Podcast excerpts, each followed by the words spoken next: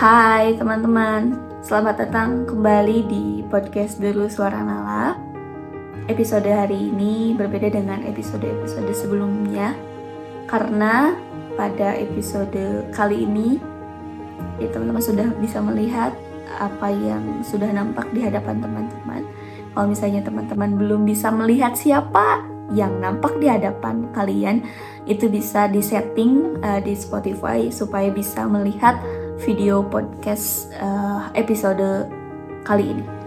Pada malam hari ini, uh, karena saya tag videonya sekitar pukul setengah dua pagi, saya keadaannya memakai hoodie. Mohon maaf teman-teman karena saya malas untuk ganti baju.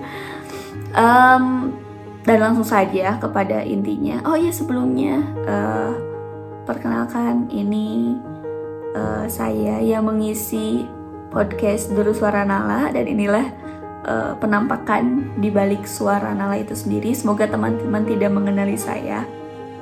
Oke, langsung saja ke pembahasan uh, yang akan kita bahas pada episode kali ini mengenai manusia itu ingin dipengerti.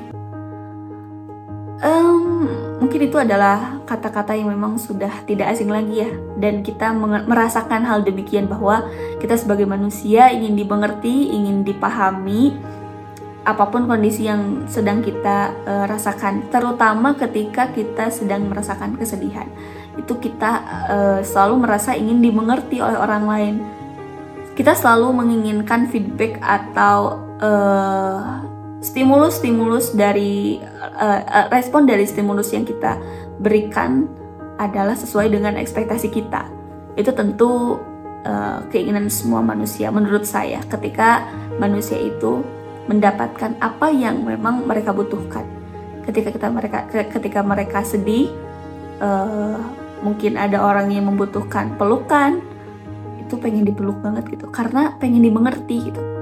Atau misalnya ketika manusia lagi sedih, mereka ingin diberikan, ingin diberikan uh, coklat, itu sebagai salah satu uh, bentuk keinginan uh, dimengertinya manusia oleh manusia yang lain itu ya. Namun permasalahannya adalah bagaimana caranya uh, orang lain dapat mengerti perasaan kita. Itu tentunya adalah hal abstrak sekali untuk uh, diutarakan atau dibicarakan karena mengerti ataupun tidak dimengerti suatu perasaan atau pemikiran manusia itu ketika tidak dibicarakan ya tidak akan dimengerti dan tidak akan dipahami.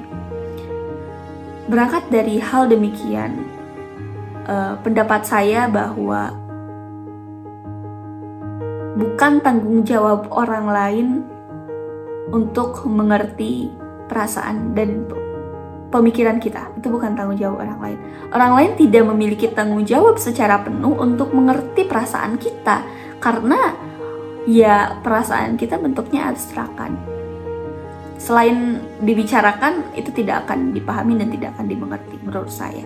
Kecuali dengan kita memberikan ekspresi ekspresi-ekspresi tertentu. Misalnya kita memberikan ekspresi sedih, ketika kita tidak membicarakan pun orang lain akan mengerti dan paham. Tapi kalau misalnya kita ada di satu kondisi di mana kita merasa tidak baik-baik saja pikiran kita, perasaan kita, hati kita dan lain sebagainya. Terus kita tiba-tiba ini mengerti so itu merupakan sesuatu yang uh, cukup uh, rumit juga untuk dimengerti uh, seperti itu. Tapi ya kita pengen dimengerti sebagai manusia. Semua orang pasti pengen dimengerti. Jawabannya adalah bagaimana caranya kita bisa mengerti, uh, bagaimana caranya orang lain dapat mengerti terhadap perasaan kita adalah sejauh mana kita mengerti perasaan orang lain. Karena uh, begitupun ketika kita memberikan sebuah dampak kepada orang lain, meskipun uh, pada awalnya kita tidak boleh uh, menginginkan timbal balik daripada orang lain ketika memberikan kebaikan atau tolongan, pertolongan, uh, kita akan merasakan dampak-dampak itu atau dampak-dampak kebaikan yang kita berikan, dampak dari kita mengerti kepada orang lain itu dari sisi-sisi mana pun dan dari sisi uh, siapa pun itu orangnya gitu kita akan merasakan hal demikian uh, saya sempat membaca kalau tidak salah di buku filosofi teras yang uh, pada intinya menjelaskan bahwa jangan pernah kita memberikan uh, suatu pengharapan atau jangan pernah menuntut peristiwa terjadi sesuai dengan apa yang kita inginkan. Jadikanlah uh, peristiwa yang terjadi di dalam hidup kita itu mengalir seperti ya apa adanya saja karena ketika uh, seperti apa adanya maka hidup kita akan berjalan ya seperti adanya saja seperti itu. Oke, nanti saya akan uh, masukkan di subtitle. Itu salah satu kutipan dari buku Filosofi Teras. Pada intinya hal demikian. Sama halnya juga ketika kita merasakan uh, ketika kita berusaha untuk mendapatkan sesuatu untuk mendapatkan sesuatu yang kita inginkan ketika itu tidak sesuai dengan ekspektasi kita kemudian kita kecewa itu berawal dari ya kita mengharapkan sesuatu itu terjadi sesuai dengan apa yang kita harapkan. Karena kita sudah melakukan prosesnya yang panjang kita sudah melakukan effort-effort yang sangat uh, full gitu. Maka kita menginginkan ya sesuatu hasilnya sesuai dengan apa yang kita usahakan. Padahal sebenarnya jangan ke tujuannya jangan ke arah sana, tetapi tujuannya adalah untuk uh, dijalani dengan ikhlas, dijalani dengan tabah, sabar, kuat, kemudian maka akan berjalan dengan uh, demikian adanya gitu. Kalau misalnya ada bonus ya kita akan dapatkan bonus itu. Dan kita jangan mengharapkan bonus, kita harus mengharapkan uh, semua sesuai dengan uh, apa yang kita usahakan gitu jalannya, prosesnya, lancarnya gitu, kuatnya kita menjalani prosesnya itu yang perlu kita perhatikan lebih. Kembali lagi kepada manusia ingin di, uh, mengerti atau manusia ingin dipahami.